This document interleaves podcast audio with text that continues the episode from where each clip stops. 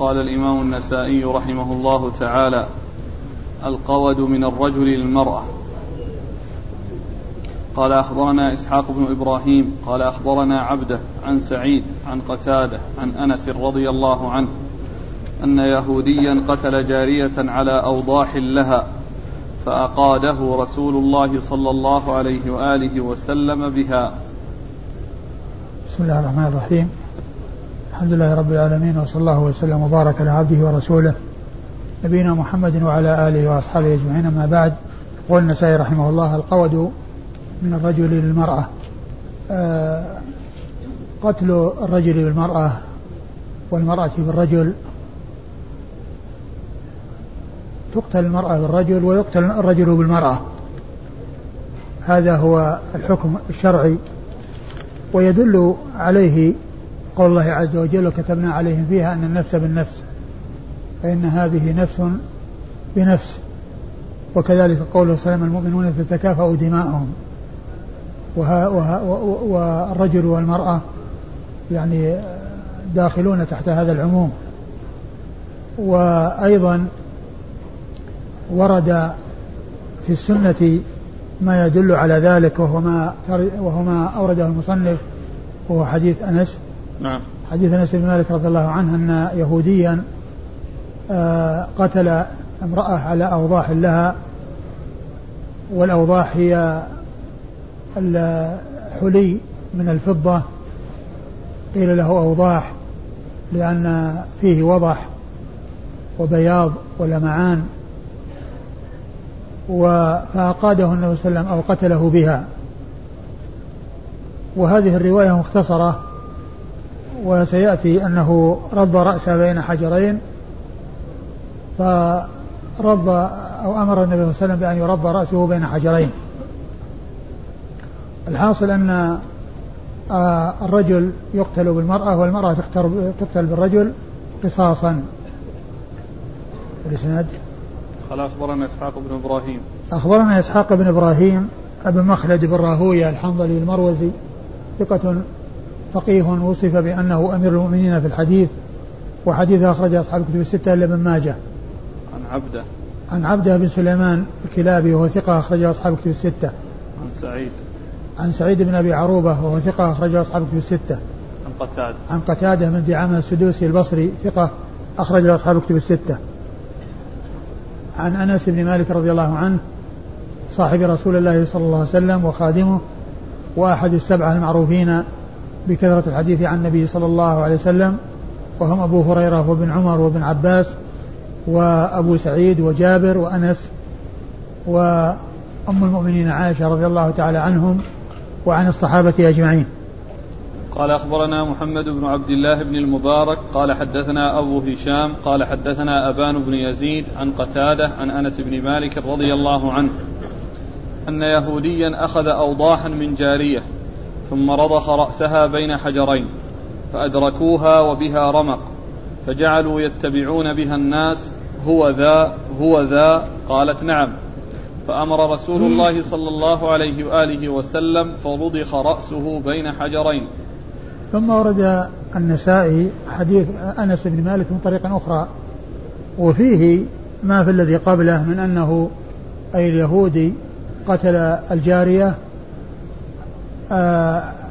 بعد أن أخذ أوضاحا لها وهي الحلي من الفضة ورب رأسها بين حجرين يعني قتلها بهذه الطريقة ولكنها أدركت وفيها بقية حياة لم تخرج روحها فكانوا يسألونها عن أسماء الأشخاص ويعرضون عليها الأشخاص وأسماء الأشخاص فلان فلان فلان وهي تومئ برأسها لا ولما ذكر الذي قتلها أومأت برأسها النعم فأخذوه فاعترف فأمر النبي صلى الله عليه وسلم أن يرب رأسه بين حجرين كما رب رأسها بين حجرين وفي هذا دليل على وفي هذا أيضا دليل على أن القاتل آه، في. أن القاتل يقتل كما قتل.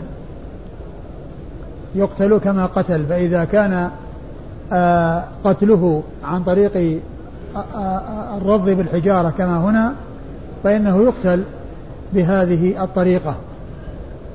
ولا يعني يمتنع أو من ذلك إلا فيما لا يجوز. يعني ما لا يجوز أن يعامل به ما لا يجوز أن يعامل به فإنه لا يجوز أن يقتل به ولكن ما سوى ذلك فإنه يجوز أن يقتل كما قتل. فكونه رب رأسها بين حجرين اقتص منه بأن رب رأسه بين حجرين. والعبرة هو اعترافه لأنه اعترف وأخذ باعترافه. وأخذ باعترافه. نعم. قال أخبرنا محمد بن عبد الله بن المبارك محمد بن عبد الله المبارك ثقة أخرج حديث البخاري وأبو داود والنسائي. عن أبو هشام. عن أبو هشام وهو المغيرة بن سلمة المخزومي. ثقة أخرج له أصحاب الكتب. البخاري تعليقا. البخاري تعليقا. وأبو داود والنسائي بن ماجه. البخاري تعليقا ومسلم وأبو داود والنسائي وابن ماجه. عن أبان بن يزيد. عن أبان بن يزيد العطار وهو ثقة له أفراد أخرج حديثه. أصحاب الكتب إلا ابن ماجه. أصحاب الكتب الستة إلا ابن ماجه. عن قتادة عن أنس. عن قتادة عن أنس وقد مر ذكرهما. قال أخبرنا علي بن حجر قال أخبرنا يزيد بن هارون عن همام عن قتادة عن أنس بن مالك رضي الله عنه أنه قال خرجت خرجت جارية عليها آه. أوضاح.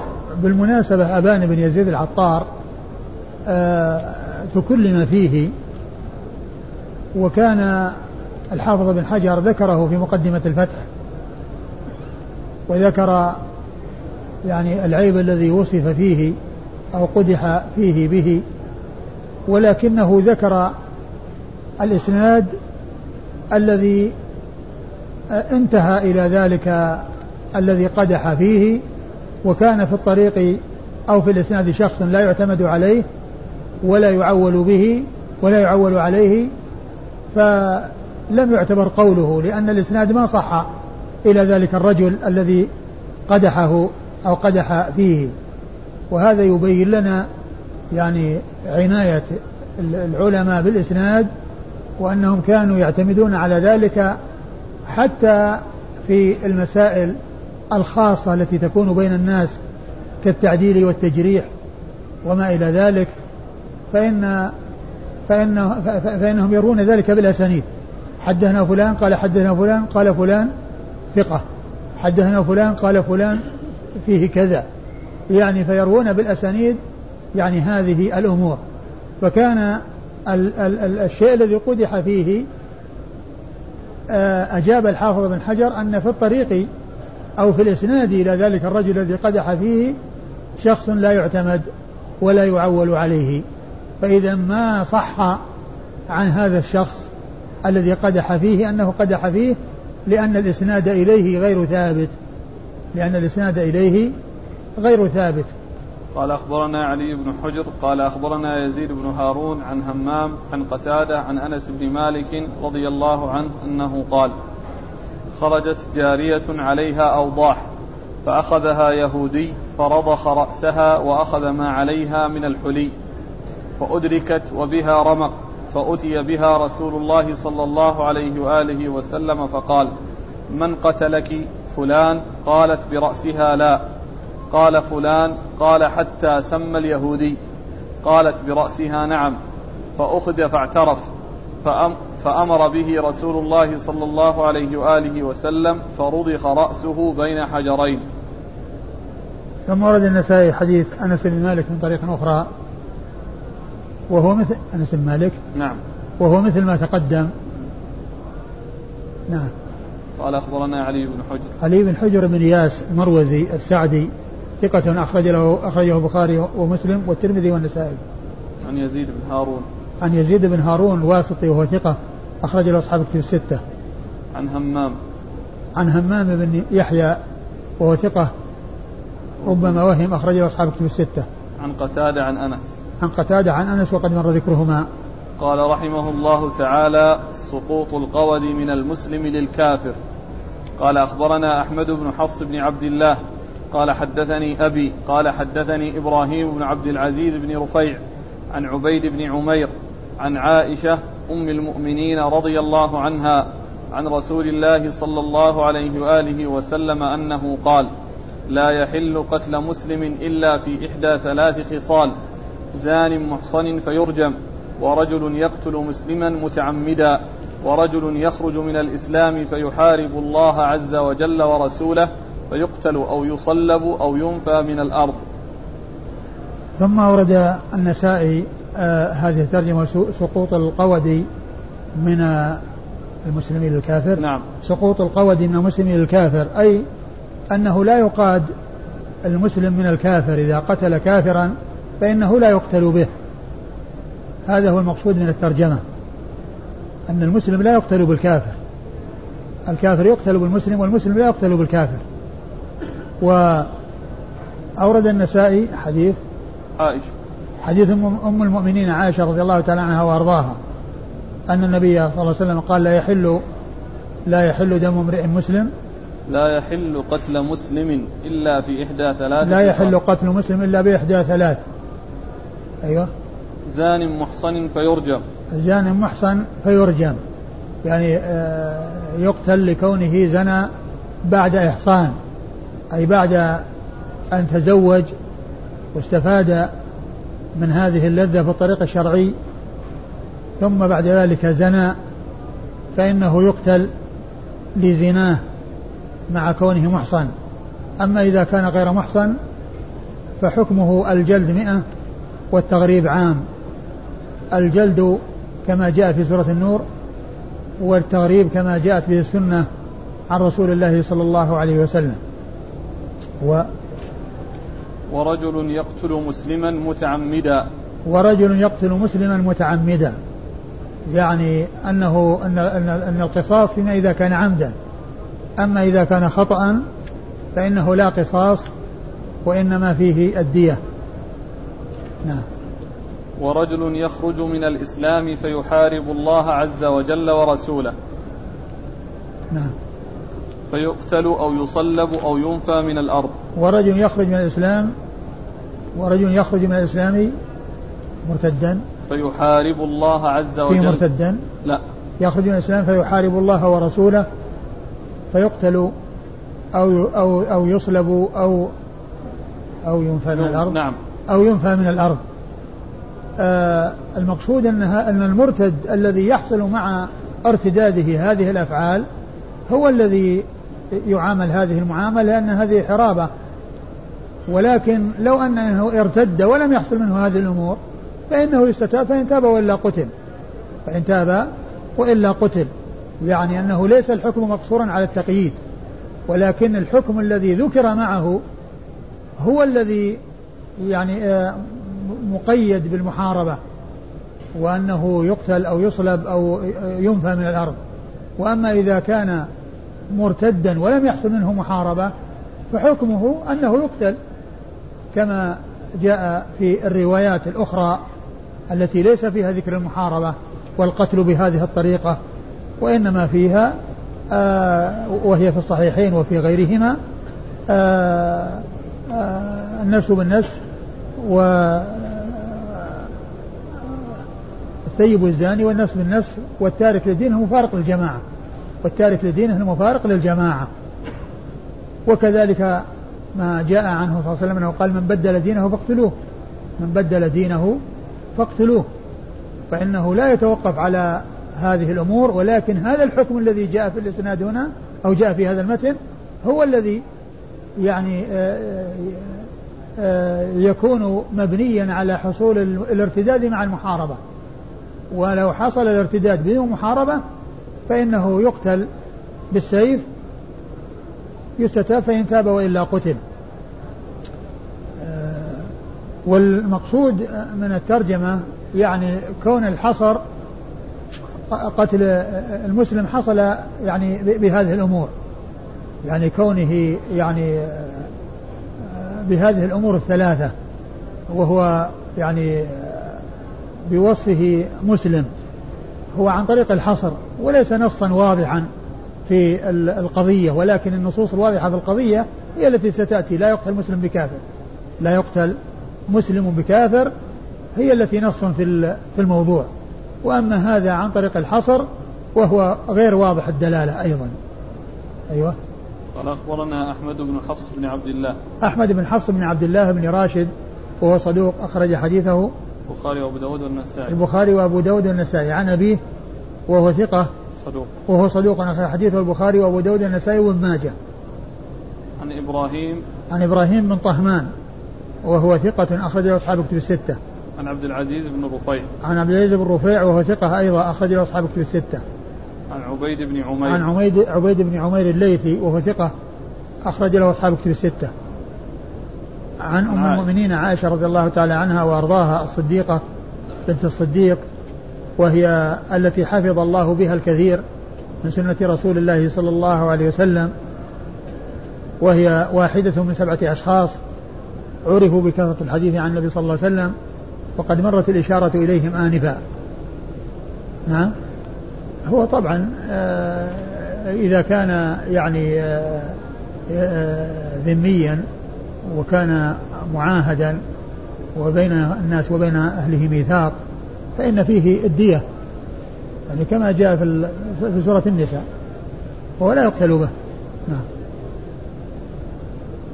قال أخبرنا محمد بن منصور قال حدثنا سفيان عن مطرف بن طريف عن الشعبي قال سمعت أبا جحيفة رضي الله عنه يقول سألنا عليا رضي الله عنه فقلنا هل عندكم من رسول الله صلى الله عليه وآله وسلم شيء سوى القرآن؟ فقال لا والذي فلق الحبة وبرأ النسمة إلا أن يعط إلا أن يعطي الله عز وجل عبدا فهما في كتابه أو ما في هذه الصحيفة. قلت وما في وما في الصحيفة؟ قال فيها العقل وفكاك الأسير وألا يقتل مسلم بكافر. ثم ورد النسائي حديث آآ آآ علي بن أبي طالب حديث وهب بن عبد الله السوائي أبي جحيفة عن علي رضي الله عنه أنه سأله أبو جحيفة قال هل عندكم من الرسول صلى الله عليه وسلم شيئا غير القرآن؟ يعني هل عندكم شيء مكتوب يعني غير القرآن؟ وإلا فإن علي رضي الله عنه عنده أحاديث كثيرة لكن الذي آه، عناه في هذا الجواب الذي أجاب به المكتوب لأنه أخرج صحيفة مكتوب فيها جملة من الأحكام الشرعية. هل خصكم بشيء يعني دون الناس؟ لأن يعني ال ال ال ال يعني ال المتشيعين لعلي يتكلمون يعني عنه بأنه عنده أشياء وعنده كذا فأراد أن يبين أراد وهب بن عبد الله السوائي رضي الله عنه أن يبين علي ما عنده في هذا الأمر. فقال لا يعني ما عندهم شيء إلا أن يعطي الله فهما في كتابه.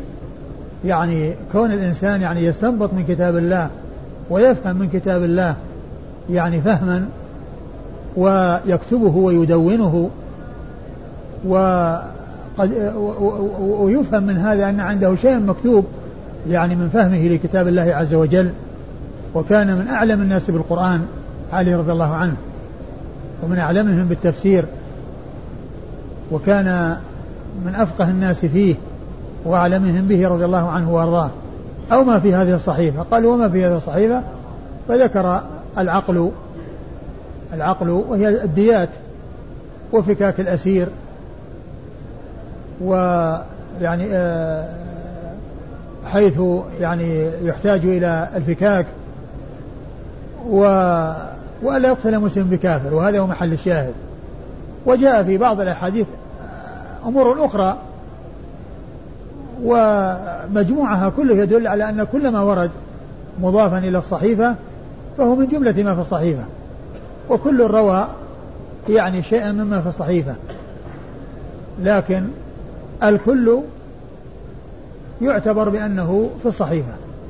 الذي جاء يعني في آه الذي جاء في هذه المسألة في هذا الحديث والذي جاء في غيره كله يعتبر داخل في الصحيفة. لكن أحد يذكر آه أشياء حفظها وأحد يذكر أشياء حفظها وهكذا. والمقصود من الحديث وأن لا يقتل مسلم بكافر. يعني أنه لا يقتص للكافر من المسلم. فيقتل به. نعم. قال والذي فلق الحبة وبرأ النسبة قال والذي فلق الحبة وبرأ النسبة يعني هذا يقسم على ما حصل. والذي فلق الحبة وبرأ النسمة. يعني خلق الإنسان. نعم. أو خلق النفوس. نعم. إلا ما في هذه الصحيفة. قال وما فيها؟ قال العقل وهو الديات. نعم. وفكاك الأسير. وفكاك الأسير وألا يقتل مسلم بكافر نعم. قال أخبرنا محمد بن منصور. محمد بن منصور الجواز المكي ثقة أخرج له النسائي وحده. عن سفيان وهو بن عيينة المكي ثقة أخرج له أصحاب الكتب الستة. عن مطرف بن طريف. عن مطرف بن طريف وهو ثقة أخرج له أصحاب الكتب الستة. عن الشعبي. عن الشعبي عامر بن شراحيل الشعبي ثقة فقيه أخرج له أصحاب الكتب الستة. عن أبي جحيفة عن أبي جحيفة وهب بن عبد الله السوائي وهو مشهور بكنية أبي جحيفة وهو وهو صحابي من أصحاب رسول الله صلى الله عليه وسلم أخرج حديثه أصحاب الكتب الستة. عن علي بن أبي طالب رضي الله عنه أمير المؤمنين ورابع الخلفاء الراشدين وصاحب المناقب الجمة والفضائل الكثيرة رضي الله تعالى عنه وأرضاه وحديثه عند أصحاب الكتب الستة. قال أخبرنا محمد بن بشار قال حدثنا الحجاج بن منهال قال حدثنا همام عن قتادة عن أبي حسان قال قال علي رضي الله عنه ما عهد إلي رسول الله صلى الله عليه وآله وسلم بشيء دون الناس إلا في صحيفة في قراب سيفي فلم يزالوا به حتى أخرج الصحيفة فإذا فيها المؤمنون تكافأ دماؤهم يسعى بذمتهم أدناهم وهم يد على من سواهم. لا يقتل مؤمن بكافر ولا ذو عهد في عهده. ثم ورد النسائي حديث علي رضي الله عنه وهو يتعلق بالصحيفة وكانت في قراب سيفه أي في غمد سيفه وفيها المؤمنون تتكافأ دماؤهم أي أن بعضهم لبعض أكفاء فيقتل الرجل بالمرأة والمرأة بالرجل ويقتل الحر بالعبد والعبد بالحر إذا كانوا مسلمين أن هذا هو الذي استدل به بعض أهل العلم وهو الذي أورده النسائي فيما مضى. ولكن كما ذكرت جمهور أهل العلم على أنه لا يقتل يعني الحر بالعبد. و تتكافأ دماؤهم ويسعى بذم وهم يد على من سواهم. نعم. وهم يد على من سواهم يعني أنهم يد واحدة على غيرهم من أعدائهم. يتعاونون ويشد بعضهم أزر بعض. وهم بمثابة اليد الواحدة. ويسعى بذمتهم أدناهم. يعني أن من أمن أحدا منهم ولو كان من أدناهم وأقلهم فإنه يعتبر أمانه. حتى النساء يعتبر أمانهن كما جاء عن أم هاني عام الفتح في قصة الرجل الذي أمنته وكان علي رضي الله عنه آه، أخبرها بأنه سيقتله وأخبرت الرسول صلى الله عليه وسلم بأن أنه آه، قال إنه سيقتل من أمنت فقال قد أجرنا من أجرت يا أم هانئ قد أجرنا من أجرت يا أم هانئ. و إيش؟ لا وهم يد على من سواهم لا يقتل مؤمن بكافر. لا يقتل مؤمن بكافر وهذا هو محل الشاهد للترجمة. لا يقتل مؤمن بكافر. أيوه. ولا ذو, ولا ذو عهد في عهده. يعني لا يقتل معاهد وهو في مدة عهده وفي حال كونه معاهدا بل يجب أن يوفى له بعهده وأن وأن يحصل له الأمان. نعم. قال أخبرنا محمد بن بشار. محمد بن بشار البصري الملقب بن دار وهو ثقة أخرج أصحاب الكتب الستة بل هو شيخ لأصحاب الكتب الستة. عن حجاج بن منهال. عن حجاج بن منهال وهو ثقة أخرج أصحاب الكتب الستة. عن همام عن قتادة عن أبي حسان.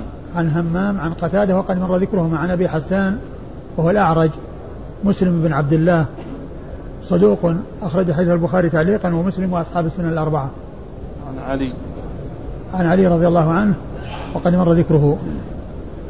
الأمس ذكرتم أنه توفي هذا 130 إي نعم. في أخ يقول ذكر العلائي في جامع التحصيل آه. أن رواية أبي حسان الأعرج عن علي رضي الله عنه مرسلة. نعم. نقل ذلك عن أبي زرعة وأبي حاتم. إي. يعني هو الآن يعني ما دام أن ما دام أن الوفاة يعني بين وفاتيهما تسعون سنة فيعني الذي يبدو أن هناك واسطة أن هناك واسطة وسيأتي أن هناك واسطة لكن الواسطة يعني يعني أقدم من علي رضي الله عنه وهو الأشتر وقد مات قبل علي بثلاث سنوات اللي هو الأشتر الذي جاء في بعض الروايات الرواية عنه. فإذا المسافة أو المدة بين بينه وبين علي ومد وبينه وبين الأشتر يعني بعيدة جدا يعني فيكون ما فيه إلا الإرسال. إلا أن تعلم الواسطة. نعم. لكن يعني كما هو معلوم الحديث جاء من طرق وليس من من طريق واحدة. نعم. الذي يأتي للسياحة في بلاد المسلمين هل هو من من أهل العهد وأهل الذمة. لا شك الذي أعطي أمان ورخص له بدخول البلاد أنه له أمان. أبو حسان الأعرج يروي عن علي مع أنه قد رمي برأي الخوارج.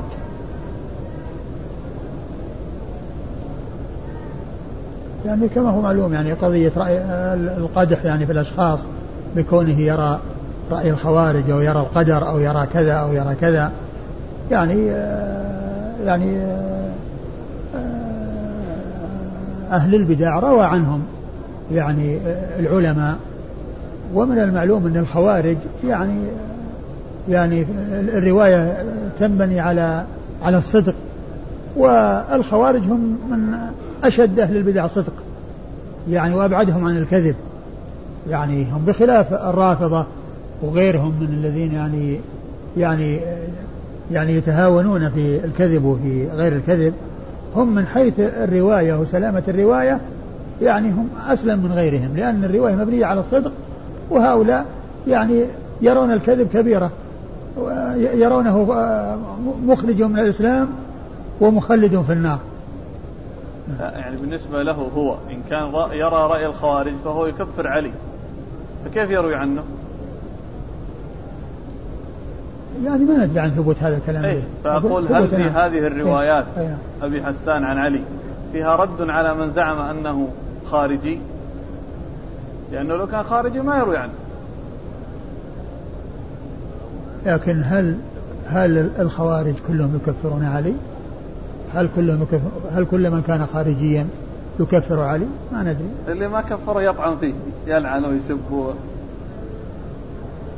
وعلى كل يعني ال ال الثبوت يعني هل هو ثابت أو غير ثابت ما ندري. لكنه لا يؤثر يعني حتى لو وصف يعني بهذا الوصف لا يؤثر لأنه من حيث الرواية يعني آه، مسألة الخوارج هم من أهل الصدق. قال أخبرنا أحمد بن حفص قال حدثني أبي قال حدثني إبراهيم بن طهمان عن الحجاج بن الحجاج عن قتادة عن أبي حسان الأعرج عن الأشتر أنه قال لعلي رضي الله عنه إن الناس قد, تش قد تفشغ بهم ما يسمعون. فإن كان رسول الله صلى الله عليه وآله وسلم عهد إليك عهدا فحدثنا به. قال ما عهد إلي رسول الله صلى الله عليه وآله وسلم عهدا لم يعهده إلى الناس غير أن في قراب سيفي صحيفة. فإذا فيها المؤمنون تتكافأ دماؤهم. يسعى بذمتهم أدناهم لا يقتل مؤمن بكافر ولا ذو عهد في عهده. مختصر. ثم ورد النسائي حديث علي رضي الله عنه من طريق أخرى وهو مثل ما تقدم. قال أخبرنا أحمد بن حفص عن أبيه عن إبراهيم بن طهمان عن الحجاج بن الحجاج. مر ذكر الثلاثة الأولون الثلاثة الأولين والحجاج بن الحجاج هو ثقة. أخرج له أصحاب الكتب الستة. إلا الترمذي. إلا الترمذي. أصحاب الكتب الستة إلا الترمذي. عن قتادة عن أبي حسان الأعرج عن الأشتر. وقد مر ذكر قتادة وأبي حسان. والأشتر هو ثقة مخضرم أخرج حديثه النسائي وحده. عن علي. عن علي وقد مر ذكره. إن الناس قد تفشغ بهم ما يسمعون. آه، فسر أنه فشى وانتشر. فشى وانتشر. يعني ولعل الذي انتشر أنهم يعني أنه عليا قد خص أو أنه خصه أو خص بشيء دون الناس فسئل وأخبر بأنه ما خصه بشيء إلا هذا الذي هو موجود. والمقصود يعني الشيء المكتوب الذي عنده وإلا فعنده شيء غير مكتوب كثير من الرواية عن رسول الله صلى الله عليه وسلم. وين؟ عن إبراهيم؟ عن إبراهيم عن إبراهيم عن عبد العزيز بن رفيع. إبراهيم هو بن طهمان. وقد مر. عبد العزيز بن رفيع آه، ثقة غير إبراهيم. إبراهيم بن طهمان يروي عن عبد العزيز بن رفيع. قال رحمه الله تعالى تعظيم قتل المعاهد. قال أخبرنا إسماعيل بن مسعود. قال حدثنا خالد عن عيينة. قال أخبرني أبي. قال قال قال أبو بكر رضي الله عنه قال رسول الله صلى الله عليه وآله وسلم من قتل معاهدا معاهدا. أيوة. من قتل يعني يمكن يقال معاهدا ومعاهد لأن المعاهدة موجودة بينه وبين غيره لكن الغالب أنه يقال معاهدا. معاهدا يعني أو معاهدا كله يعني مستقيم. معاهدا هو يعني عاهده غيره وعاهد غيره وغيره أو غيره عاد والغالب المعاهدا لأنه هو الذي أعطي العهد. هو الذي أعطي العهد بأن له الأمان وأنه يعني يعني ما ما عليه شيء. يعني معناه حصل له العهد. نعم. من قتل معاهدا في غير كنهه حرم الله عليه الجنة. ثم أورد النسائي هذه الترجمة تعظيم تعظيم قتل المعاهد. نعم. تعظيم قتل المعاهد يعني أنه عظيم وخطير وأن الوعيد فيه شديد. أورد النسائي حديث أبو بكرة حديث أبي بكر رضي الله عنه أن النبي صلى الله عليه وسلم قال من قتل معاهدا في غير كنه, كنه حرم الله عليه الجنة. يعني في كنه يعني غير حقيقته ويعني في غير حق. حرم الله عليه الجنة. وهذا هو مقصود من التعظيم يعني يقول المصنف تعظيم قتل المعاهد يعني أنه عظيم وخطير ولهذا جاء الوعيد فيه بأن الله تعالى يحرم عليه الجنة.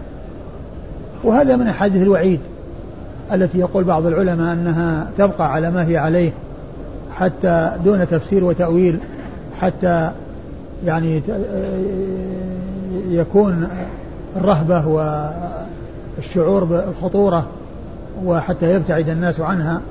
ومنهم من يفسرها فيقول أن ليس معنى ذلك أنه حرمها عليه أبد الآباد وأنه يعني يكون مثل الكفار كما تقوله الخوارج.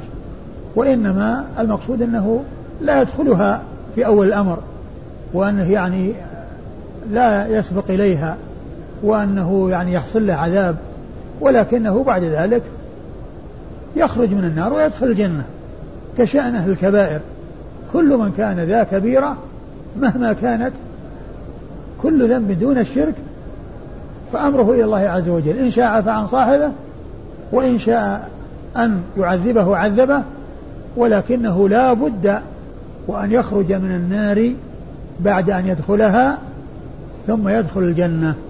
ولا يبقى في النار أبد الآباد إلا الكفار الذين هم أهلها.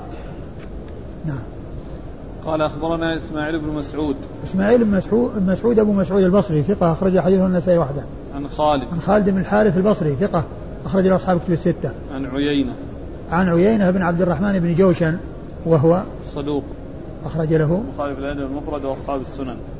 صدوق أخرج حديث البخاري في الأدب المفرد وأصحاب السنن. عن أبيه عبد الرحمن بن جوشن وهو صدوق. ثقة. وهو ثقة أخرج له البخاري في الأدب وأصحاب السنن. نعم. أخرج حديث البخاري في الأدب المفرد وأصحاب السنن.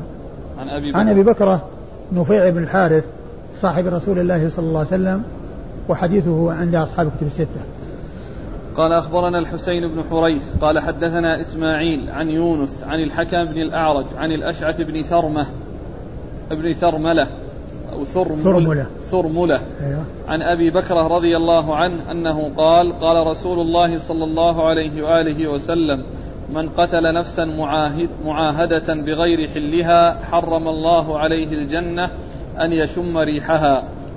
ثم أورد النسائي حديث أبي بكرة من طريق أخرى وهو مثل ما تقدم وهنا قال في حلها في غير حلها وهناك في غير كنهه يعني ومعناهما واحد يعني في يعني آآ آآ كونه قتله على وجه لا يحل له لا يحل له القتل.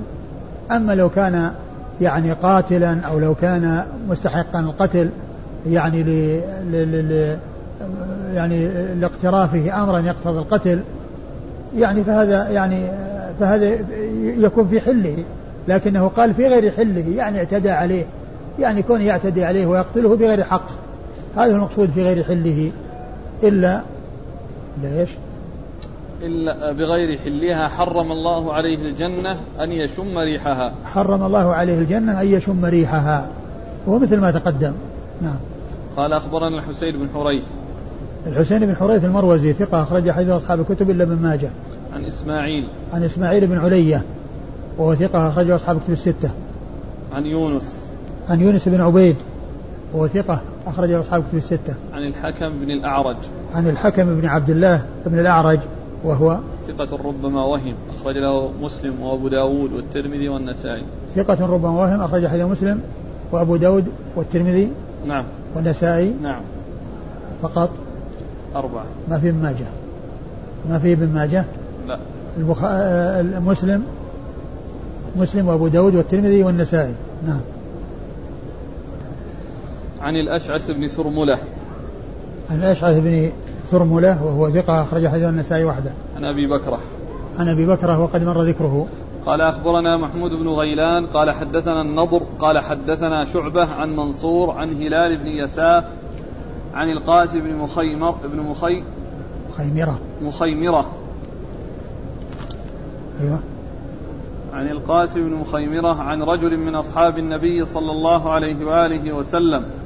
أن رسول الله صلى الله عليه وآله وسلم قال من قتل رجلا من أهل الذمة لم يجد ريح الجنة وإن ريحها ليوجد من مسيرة سبعين عاما. ثم ورد النسائي حديث رجل من أصحاب رسول الله صلى الله عليه وسلم لم يسمى ومن المعلوم أن المجهول في حكم في الصحابة في حكم المعلوم لأنهم كلهم عدول رضي الله عنهم وأرضاهم. ويقول فيه أن من قتل رجلا من أهل الذمة نعم. من قتل رجلا من أهل الذمة. نعم نعم. أيوة. لم يجد ريح الجنة. لم يجد ريح الجنة وإن ريحها لا يوجد من مسيرة سبعين. نعم سبعين عاما. سبعين عاما. هنا قوله من قتل رجلا لا مفهوم له. يعني مثله المرأة المعاهدة. وإنما ذكر الرجل لأن الغالب أن الأحكام مع الرجال. أو يأتي ذكر الرجال غالبا في الأحكام. فهو لا مفهوم له. بمعنى أن المرأة لها حكم آخر بل الحكم واحد في الرجال والنساء وجاء التعبير بالرجل لأن الغالب أن الرجال يكون ذكرهم في الأحكام. وقد وقد سبقت الإشارة إلى هذا في يعني أمثلة عديدة ومن الحديث المشهور آه، لا تتقدموا رمضان بيوم أو يومين إلا رجلا كان يصوم صوما فليصومه يعني وكذلك امرأة من وجد متاعه عند رجل قد أفلس كذلك لو وجده عند امرأة أفلست وهكذا. قال أخبرنا محمود بن غيلان. محمود بن غيلان المروزي ثقة أخرج حديث أصحاب الكتب الستة إلا أبا داود. عن النضر. عن النضر بن شميل وهو ثقة أخرجه أصحاب الكتب الستة. عن شعبة. عن شعبة بن الحجاج الواسطي ثم البصري وهو ثقة أخرج له أصحاب الكتب الستة. عن منصور. عن منصور بن المعتمر الكوفي وهو ثقة أخرج له أصحاب الكتب الستة. عن هلال بن يساف. عن هلال بن يساف وهو ثقة أخرج حديثه البخاري تعليقا ومسلم وأصحاب السنة الأربعة. عن القاسم بن مخيمرة. عن القاسم بن مخيمرة وهو كذلك ثقة أخرج حديثه البخاري تعليقا ومسلم وأصحاب السنة الأربعة.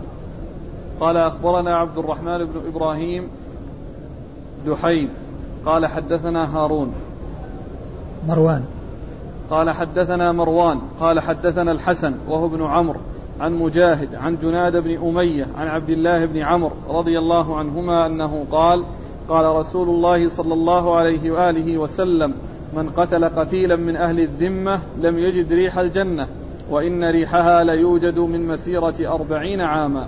ثم ورد النسائي حديث عبد الله بن عمرو رضي الله تعالى عنهما وهو مثل ما تقدم. قال بس فيه أربعين عام. أربعين عاما وهناك قال سبعين سبعين أي سبعين عاما؟ نعم. أي نعم. يعني هو يأتي في بعض الأحاديث يعني ذكر التفاوت يعني في الأعداد وهذا حديث وذاك حديث. لأن هذا عن عبد الله بن عمر وذاك عن آه عن من؟ عن رجل. عن رجل. رجل من أصحاب الرسول صلى الله عليه وسلم. وقد يكون وقد يكون ذلك الرجل هو عبد الله بن عمر وقد يكون غيره. نعم. قال أخبرنا عبد الرحمن بن إبراهيم. دحيم. عبد الرحمن بن إبراهيم دحيم يعني ذكر باسم بنسبه ولقبه لأن لقبه دحيم وهو عبد الرحمن بن إبراهيم. ودحيم هذا مأخوذ من عبد الرحمن لأن يعني الألقاب يعني أحيانا تؤخذ من الأسماء تؤخذ من الأسماء. عبد الرحمن يؤخذ منها دحيم ويعني عبد الله يؤخذ عبدان. عبد الله بن عثمان المروزي شيخ البخاري يعني مشهور بلقبه عبدان والبخاري يعني أحيانا يقول حدثنا عبدان وعبد الله بن عثمان وكذلك عباد يعني بعض الرواة يعني عبد الله لقبه عباد مأخوذة من عبد الله وهكذا يعني أحيانا تكون الألقاب مأخوذة من الأسماء وهو ثقة أخرج حديثه. البخاري وأبو داود والنسائي وابن ماجه. البخاري وأبو داود والنسائي وابن ماجه. عن مروان. عن مروان بن معاوية الفزاري وهو ثقة مشهور بتدليس الشيوخ. تدليس الشيوخ هو التعمية بأن يعمي يعني في شيوخه بأن يذكرهم بغير ما اشتهروا به. فيظنه فيظن من لا يعرف الحقيقة أنهم مجهولون. وقد يعني يكون الشخص يعني يفهم بأنه مجهول لأنه ذكر بغير ما اشتهر به. فهذا يسمى تدليس الشيوخ يعني يدلس أسماء الشيوخ بأن يذكر الشخص مثلا بغير ما اشتهر به يذكر اسمه ثم نسبته إلى جده أو يذكره بكنيته مع نسبته أو يعني آه، يذكره باسمه وكنية أبيه. يعني بغير ما اشتهر به يذكره. فقد يظن بعض الناس أن هذا الشخص مجهول يعني ما لا يعرف. لكنه هذا جاء عن طريق التعمية وعن طريق التدليس الذي هو تدليس الشيوخ لأنه التدليس إسناد وتدليس شيوخ. تدليس الشيوخ هو هذا وتدليس الإسناد أن يروي عن شيخه ما لم يسمعه منه بلفظ موهم من السماع كعن أو قال. وأما هذا يعني يذكر شيخه بغير ما اشتهر به. وبالمناسبة عند ذكر هارون وبدل وهو صحيح أنه مروان وليس بهارون مر في الدرس الماضي ذكر هشام. هشام يروي عن قتادة في حديث من الأحاديث التي مرت. نعم قلنا إنه هشام بن عروة. وقلت إنه يعني في تحفة الأشراف أنه يروي عن أبيه. والصحيح هو آه، أنه هشام الدستوائي والذي كان في تحفة الأشراف معاذ بن هشام عن أبيه. معاذ بن هشام عن أبيه. وليس هشام بن عروة عن أبيه وإنما هو معاذ بن هشام عن أبيه الذي هو هشام الدستوائي. فإذا يصحح ما عندكم من ذكر عروة هشام بن عروة إلى هشام الدستوائي والدرجة واحدة كل منهما ثقة وكل منهما أخرج له أصحاب كتب الستة. مروان يقول عن الحسن وهو ابن عمرو. عن الحسن وهو ابن عمرو. عن الحسن وهو ابن عمرو وهو ثقة أخرج له البخاري وأبو داود والنسائي وابن ماجه. وهو ثقة أخرج حديث البخاري وأبو داود والنسائي وابن ماجه. عن مجاهد. عن مجاهد بن جبر المكي ثقة أخرجه أصحاب كتب الستة. عن جنادة بن أبي أمية. عن جنادة بن أبي أمية وهو مختلف في صحبته. أخرج له أصحاب الكتب. نعم. أخرج له أصحاب الكتب الستة. عن عبد الله بن عمرو. عن عبد الله بن عمرو بن العاص رضي الله تعالى عنهما صاحب رسول الله صلى الله عليه وسلم وأحد العبادلة الأربعة من أصحاب رسول الله صلى الله عليه وسلم. وهم عبد الله بن عمرو وعبد الله بن عمر وعبد الله بن الزبير وعبد الله بن عباس رضي الله عنهم وعن الصحابة أجمعين. انتهى الباب. نعم. والله تعالى أعلم وصلى الله وسلم وبارك على عبده ورسوله نبينا محمد وعلى آله وأصحابه أجمعين.